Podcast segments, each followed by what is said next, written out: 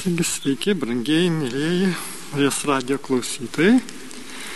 Prie mikrofono kuningas Vitenis Vaškelis. Ir mes pirmiausia vėlgi pasijungtame Dievo akivaizdoje visą šlovę atiduodame Kristui karaliui, mūsų širdis valdančiam, mūsų buvime, savo meilėje palaikančiam. Ir todėl kalbėsime apie tai, kas mums taip svarbu šiuo įtemptų gyvenimo laiku, kai ne tik mus kai kurios lygos ar virusai puola, bet ir širdį vidinis kartais nerimas atsiranda, vidinės žaizdos, kurias norime, kad viešpas gydytų mums patiems šito, trokštant šito. Todėl ir kviečiu, remiantis Dievo žodžiu ir teologų išva, iš, išvalgomis, pagvildenti tą meilės trikampį Dievo, artimo ir savo savęs pačių, bendrystės ryšį, apskritai meilės tą galime paliesti, nes tai svarbiausia. Nes kai mes pasineriame viešpaties žodžio tiesą, į tą gilumą tikrai Dievas prisiliečia prie mūsų. Tikrai Jisai atlieka savo šventą darbą, mums kartais patiems to nesuprantat. Ir mūsų tą netikrai ego mažina. Apie tai ir galėsim pakalbėti, beje, tikrąjo aš tapatybės svarbumą taip pat paliesime. Taigi stengsime pažinti save Dievo šviesoje ir leisime Jėzui laisviau veikti savyje, gydyti mūsų vidaus, vidinės žaizdas. Mūsų tikinčiųjų Būrys yra pas, pas atvėrė širdis ir tavo žodžio prieimimui ir šventai darbuotojai. Maldoje melstis vieni už kitus, ypač už tuos, kuriems labiausiai tos malonės reikia. Taigi pasvarstykime pirmiausia, atkreipdami dėmesį, jau kalbėdami apie meilę, į du dalykus būdingus meiliai. Pirmasis yra pati meilės esmė, o antrasis gali būti pavadintas darbo arba tiesiog meilės proveržių. Meilės esmė glūdi tik valioje. Taip, aš taip tvirtai, labai aiškiai byloja teologas Johanas Eskehartas. Kas turi daugiau valios, turi daugiau ir meilės.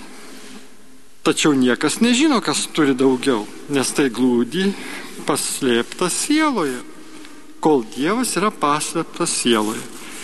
Ši meilė visiškai glūdi valioje ir kas turi daugiau valios, tas turi daugiau ir meilės. Tačiau yra dar ir antras dalykas. Tas minėtas meilės proveržis. Tai gerai matoma kaip nuoširdumas, pamaldumas ir garbinimas Nors tiesą sakant, tai ne, ne, ne, nėra tai visiškai geriausia išeitis. Mes apie tai pamastykime. Mat dažnai tai kyla ne iš meilės, bet iš prigimties dalykų. Nes kai kurie žmonės patiria tokį pasitenkinimą ir malonumą, arba tai gali kilti dėl dang, dangaus įtakos, arba būti sužadinta jūslių. Ir tie, kurie tai patiria dažniau, ne visuomet yra geriausi žmonės. Mat net jei tai kyla iš Dievo, mūsų viešpas tai dovanoja tokiems žmonėms, kad masintų ir patrauktų juos, lygiai kaip ir tam, kad atitolintų juos nuo kitų žmonių. Tačiau, kai tokių žmonių meilė stiprėja, gali būti, kad jie mažiau ją jaučia ir suvokia Ir tada tampa visiškai aišku, kad jie turi meilę, kai jie be, be tokių jausmų lieka visiškai ir tvirtai ištikimi Dievui. Taigi ne tiek jausmais vadovaudamėsi, o kiek tuo nusisteikimu, pasiryžimu, jo vykdymu, va štai valingai žingsnius savo kreipdami link Dievo. O tuomet ir parodome tas viešpačiui veikliosios meilės ištikimybę. Taigi, sakykime, kad tai visiškai yra meilė, tačiau vis dėlto štai dar kas turi būti pasakyta.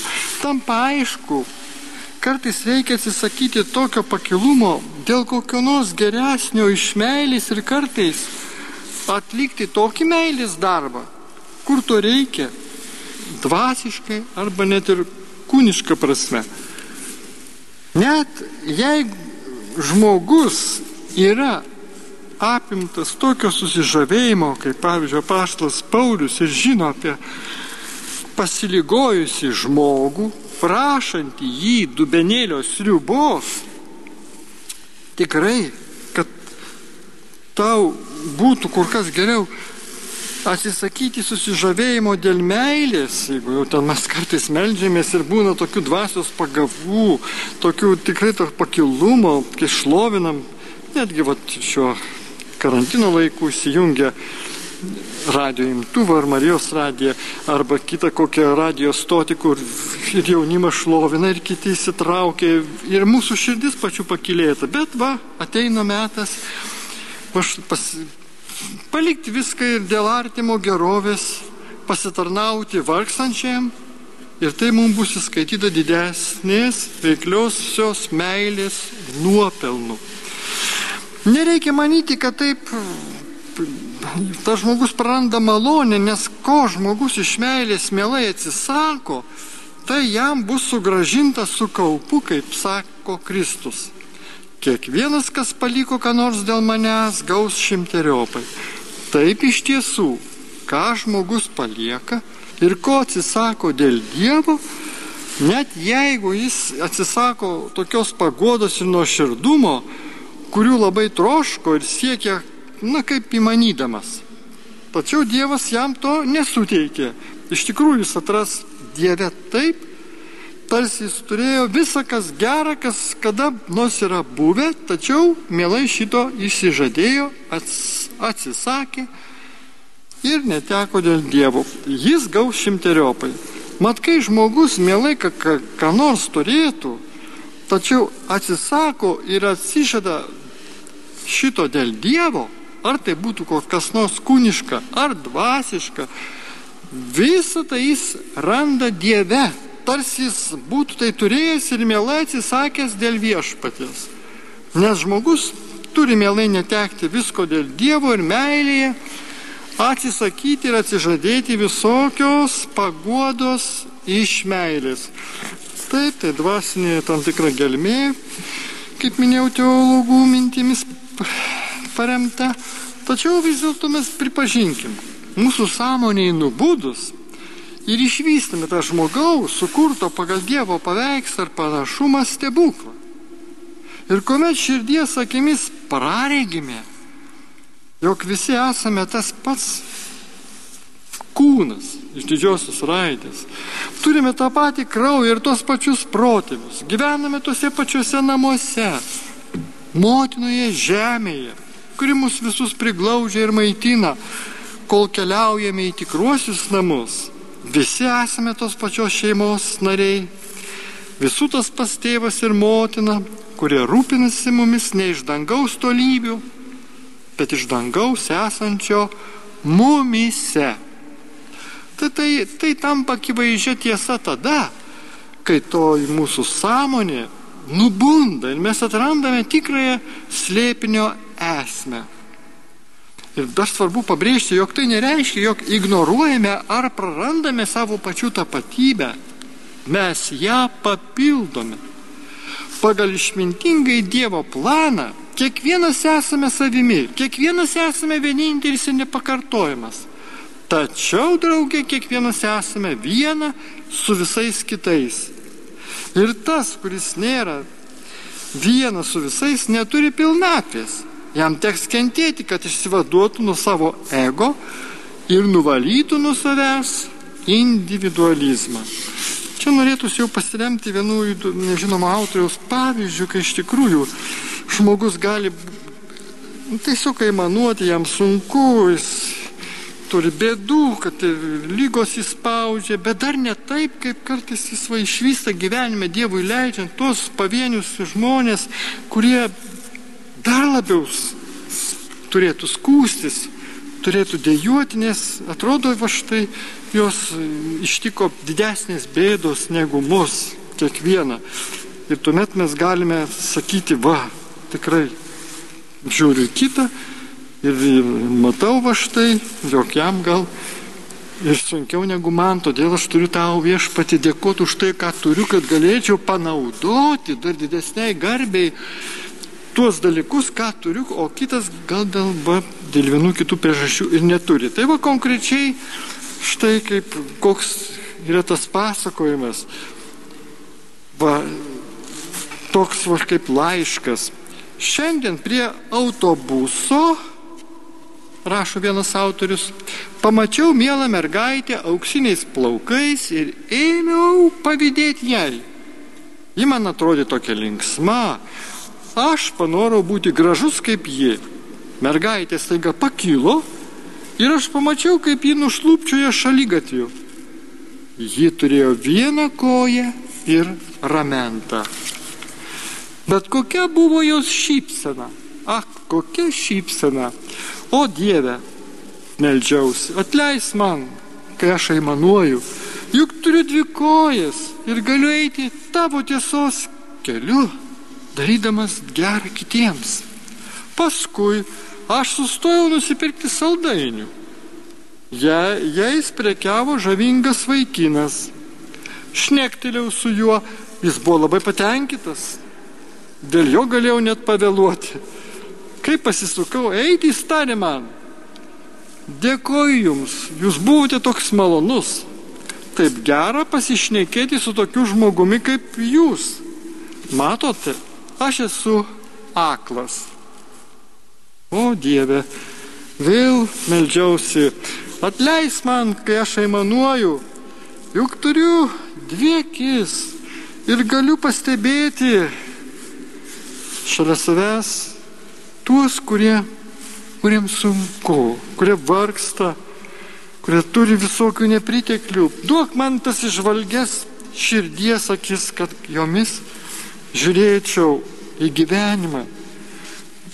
Tada gatvėje išvydau berniuką mėlynom akim. Stovėjo jis ir žiūrėjo į žaidžiančius vaikus. Regis jis nežinojo, ką daryti. Staptelėjau ir tariau kodėlgi tu neprisijungi prie kitų mielasis? O berniukas žiūrėjo nieko nesakydamas ir tik tada supratau, kad jis negirdi. O Dieve, atleis man, kai aš aimanuoju, juk turiu dvi ausis ir galiu girdėti tavo žodį perkeitinti mano esybę ir skatinanti man, mane keistis, verštis prie tavęs. Padėk man tai daryti, padėk man mokytis iš šitų nuostabių pavyzdžių. Tai brangiai, galime šitaip ir kitaip dar pasimelsti, bet turime suprasti, jog esame viena su visais kitais. Ir nors mes skirtingi ir vieni turi vienokio ar kitokių dalykų savyje, bet brangusis Kristau, padėk mums pirmiausia įveikti, nugalėti savo individualizmą, kuris toks yra relativizmo požymis, tai yra savojo proto kartais iškelimas virš kitų jau dalykų, tų, kurie yra pripažinti ir, pavyzdžiui, ir bažnyčios tie vadovų mokomi, bet mums kartais ne visai malonus priimti ir mes juos, jų tiesos žodžių imame ir neprimam. Pasirė...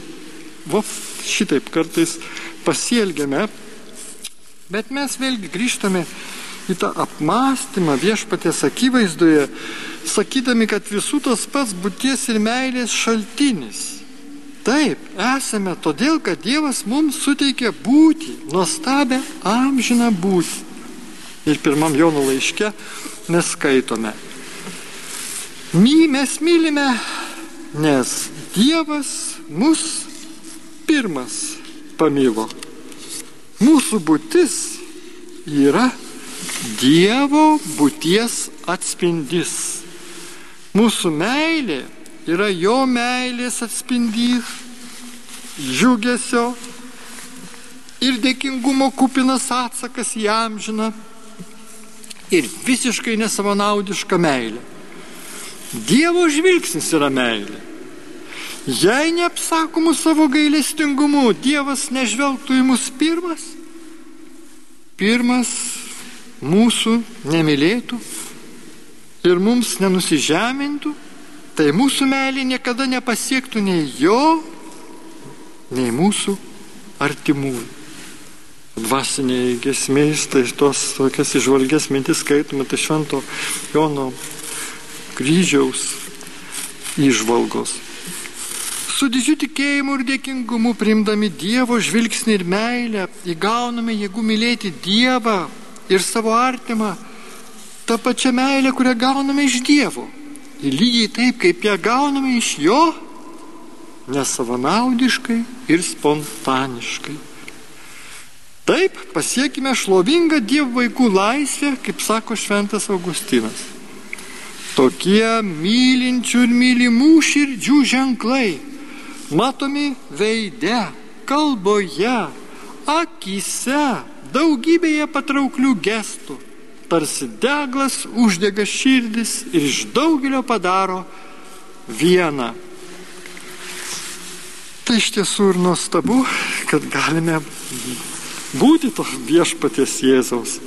Ir širdis, ir akis, ir kojos, ir rankos, kad tik va, mus, mums visą tai vadovautų viešpaties malonė, šventos dvasios įkvėpimas, kaip variklis mus skatintų judėti, kai kartais mūsų aptingęs kūnas nenori žengti to žingsnio, nenori kartais išgirsti Dievo žodžio, nori kažko kito klausytis, kažkur kitur eiti.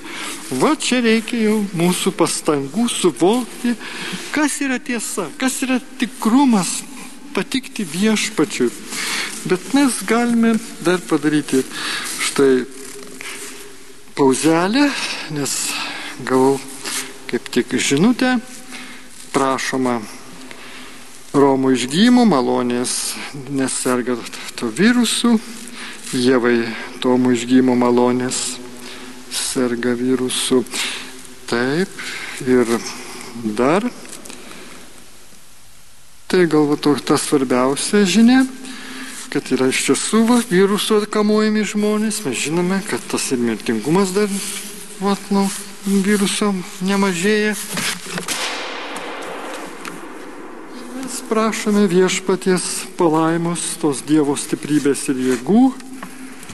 Visi kartu dabar melstis trokštų, kad ir jūs, ir aš draugė dabar karštai pasimelstume už šias, šiomis intencijomis, nes taip svarbu, kad tie, kurie serga, nepalūštų, neprarastų vilties viešpatie. Mes iškeliam aukštai rankas Ir prašome Dievę, išgirsk, maldaujam visos mintys į tave.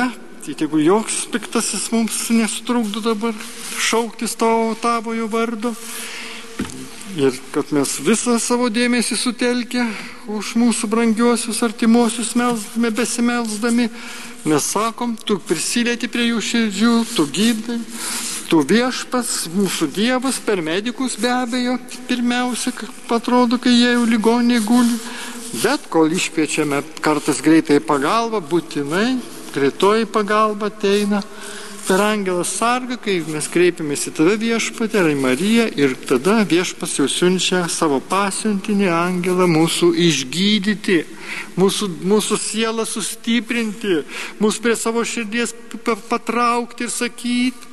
Ir sako, jis myliu tave, begalinę meilę. Tik tu paklusk man, ateik pas mane. Būk prie mano kojų, kaip, mot, kaip toji mortos sesuo Marija apglėbusi laiko ir nepaleidžia, nes jinai klausosi, jos visos jūslės į mane sutelktos, visas dėmesys ir tuomet įgauna dvasios sveikatos, stiprybės jėgų.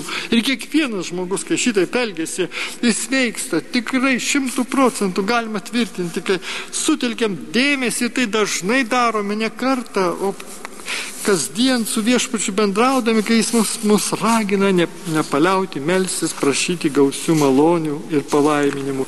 Dėkojame Dieve už išklausytą mūsų bendrą maldą, už tai, kad tu mus va štai laimini, kad dabar mus stiprini ir toliau mus skatini mąstyti tavo į žodinės be tavęs. Mes ir vėl bejėgiai tokie va štai viščiukai pasirodome, o kai su tavimi va štai dabar esam draugė ir apmastome tavo žodį, nesakom, kad mūsų ego, nors ir pasak vieno autoriaus, gimsta motinos glebyje ir auga visuomenėje, bet visa tai mašta tavo artumoje, kai mes tavo glebyje atsidūrėm, kai mes tavo už kojas apkabiname ir norime va štai tau dėkodami te sakyti ačiū viešpatį už visą. Taigi dabar galime pasvarsyti dar ir apie patį tą savąjį tai ego, pakalbėti apie tai, kad kuris yra iš tikrųjų Dievo malonės blokatorius, nes neleidžia mūsų tai tik tikrai tapatybei, ta, tam tik, tikrajam ego pasireikšti, kad galėtume iš tiesų va štai mylėti Dievą, tą šventą Dievo meilę ir mažėti va savo egoizmu. Taigi pati seniausia ir universaliausia kalba, kurią gali susikalbėti visi be išimties pasaulio žmonės, net ir tie, kurie dar nemoka kalbėti, tai jausmų kalba. Net jei dar negimęs gauna daugybę malonių, skaudinančių, priemančių ir ar atstumiančių ženklų ir reaguoja į juos savo jausmais. Žmogaus ego atsiranda dar motinos išės. Mes taip galima aiškiai sakyti, nes gimtos nuodėmės padariniai iškart pradeda veikti, kai tik mes iš nebūties į buvimą pereiname dievų malonės veikimu. Nuo pat pradžių jis įsikūrė pasąmonės sferoje ir būna ten visą laiką. Ar tik ne jis bus ta vadinamoji gimtoji nuodėmė? Kūdikiu išvydus dienos šviesą, ne sielo šviesą, dienos, jo ego ima naudotis protu ir jausmais, kad pasigražintų ir apsigintų ir taip nesamoningai ima programuoti savo gyvenimą. Po truputį jis kūrė savo paveikslą, taigi mokosi užsidėti kaukės Vaikas save mato jį supančių žmonių akimis remdamasis kitų nuomonę formuoja tobulą savo paveikslą. Tai kaip vaiką mato kiti, jam yra tarsi veidrodis, nurodantis ne tik koks jis yra, bet ir kas jis yra. Vaiko vertės jausmas tiesiogiai susijęs su tuo, kaip jį vertina kiti. O aš nesamoningai žmogus susitapatina su tokiu proto paveikslu. Taip, tai sudėtinga proto sukurta iliuzija vadinama aš. Tasai aš galvoja savo protu, naudojasi savo sumanumu, kad patenkintų savo poreikius ir troškimus.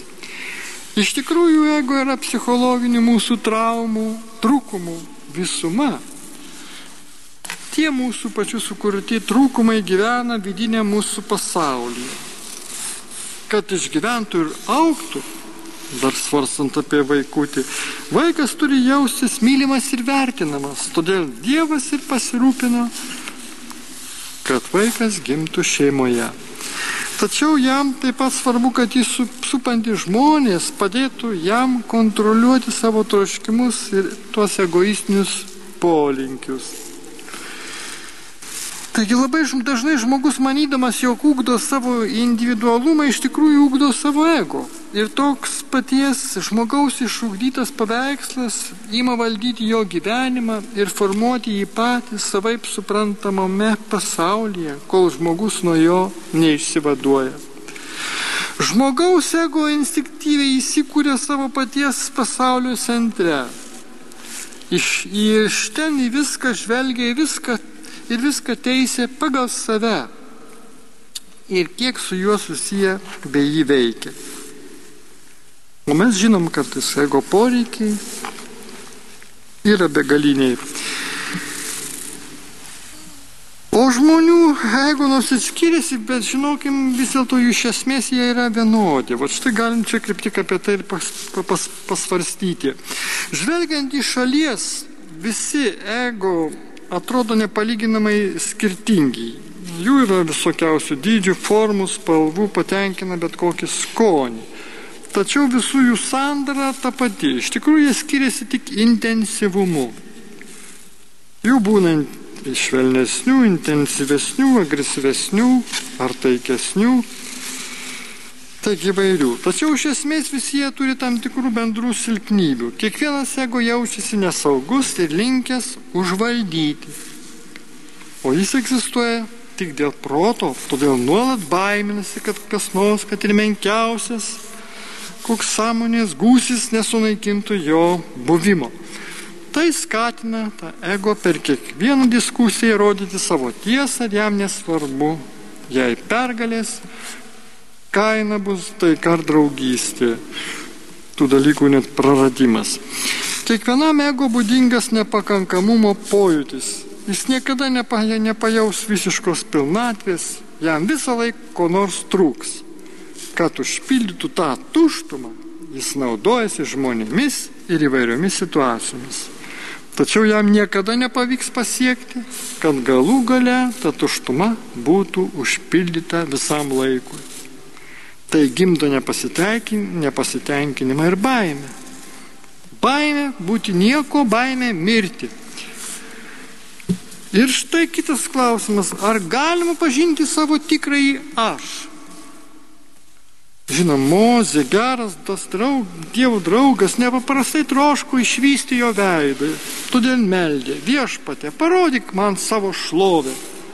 O Dievas jam atsakė, apgailestauju, niekas, kas išvysta mano veidą, nepasilieka šiame pasaulyje. Tačiau tu gali išvysti mane iš nugaros. Taigi toks begalinis Dievo grožis. Jo akivaizdoje mūsų fizinis kūnas tiesiog suirtų kai kartą Dievas pasirodė Mozijai paslaptingąją ranką uždengęs jam veidą, kad šis neišvystų jo veido. Tada paslaptingas balsas tarė, viešpas, viešpas esu gailestingas ir maloningas Dievas, lė, lėtas pykti, kupinas gerumo ir ištikimybės, skaitome išėjimo knygoje. Išvysti Dievą iš nugaros tai išvysti jo pėtsakus. Jis juos palieka keliaudamas po mūsų gyvenimą. Gailestingumą, meilę, gėrį, ištikimybę, atlaidumą.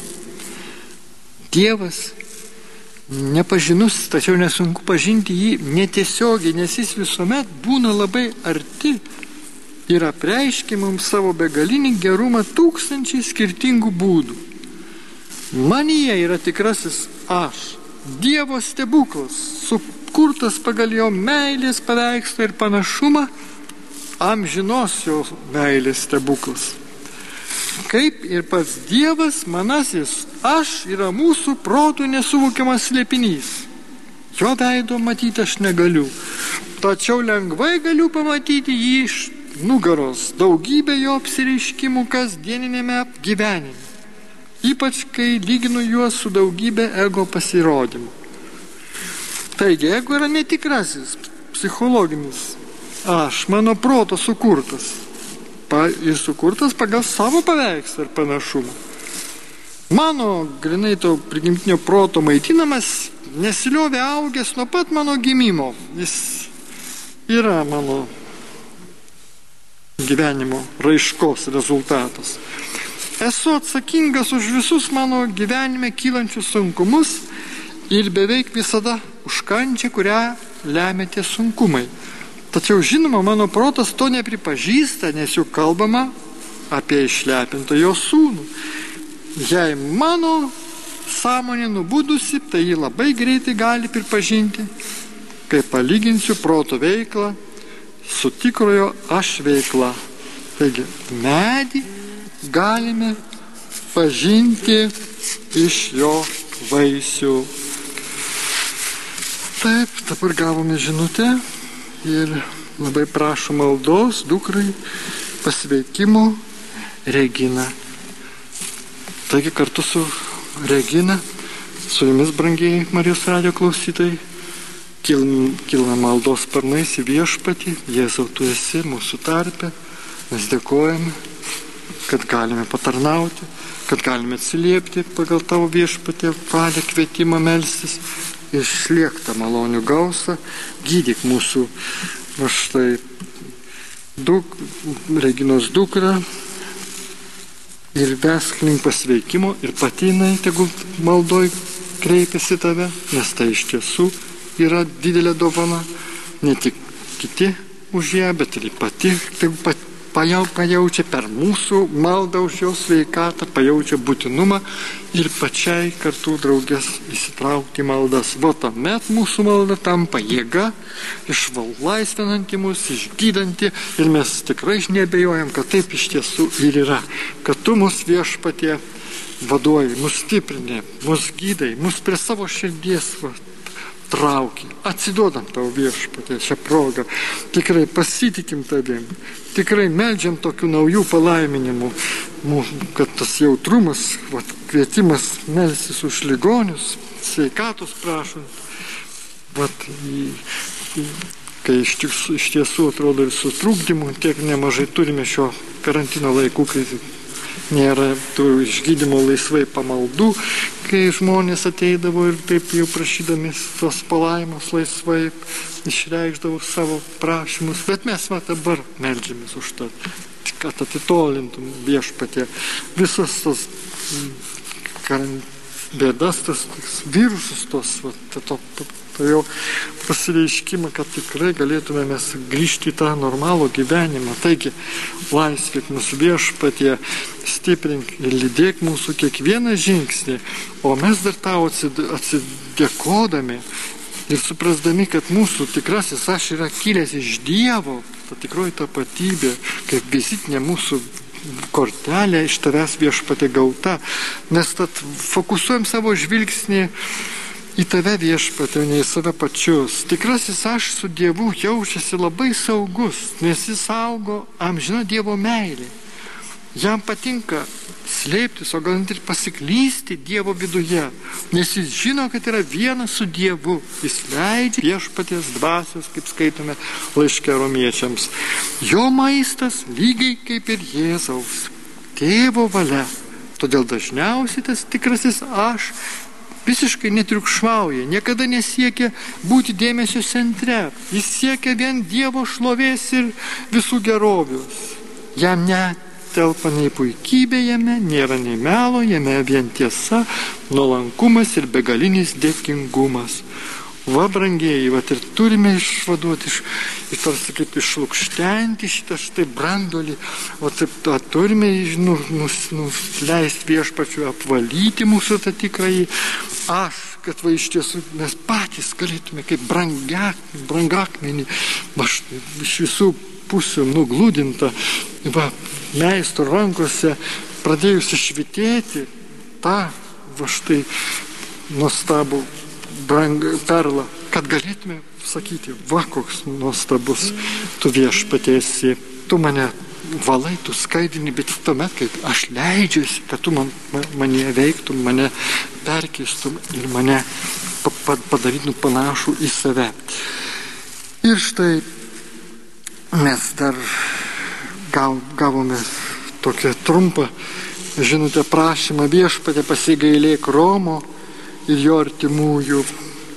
Padėk viešpatie, išgirsk maldas mūsų už Romą, jo artimuosius, laimėk. Nes kartais tiek reikia tos stiprybės, kartais matom tą nestabilumą, nerimą, įtampas, baimės ir visa kita, kas vyksta mūsų gyvenime, mūsų visuomenė, mūsų šeimose. Tad palaimėk. Palaimėk viešpatie Romą ir pasigailėk jo mes kartu su, su, su užprašytosios mūsų sesės ar brolio intencija, vat, kartu va, melžiamės ir tikime, pasitikim viešpatė, kad tu mus dabar girdi, išklausai ir mus laiminė. Ir todėl mes drauge kartu, vat, mylėjai, pasimelskime tiesiog, va, prašykime palaimos, kad šitos mūsų maldos ir kitos mūsų troškimai, čia ypatingų laikų, kai atrodo sunkumai, sunkumų daug, bet žinokit ir malonė didėja. Ir išklausytos maldos, kaip matau, vedimas dar toks aiškesnis pasireiškia, taip tenka matyti, konstatuoti, taip kaip sąžinės sąskait apmąstymą darai, darau, tai jau pastebi, kaip kokiu būna va štai viešpatės ženklų, kokiu tokiu suvedimu su, su žmonėmis susitikimu arba to aplinkybių kitokių.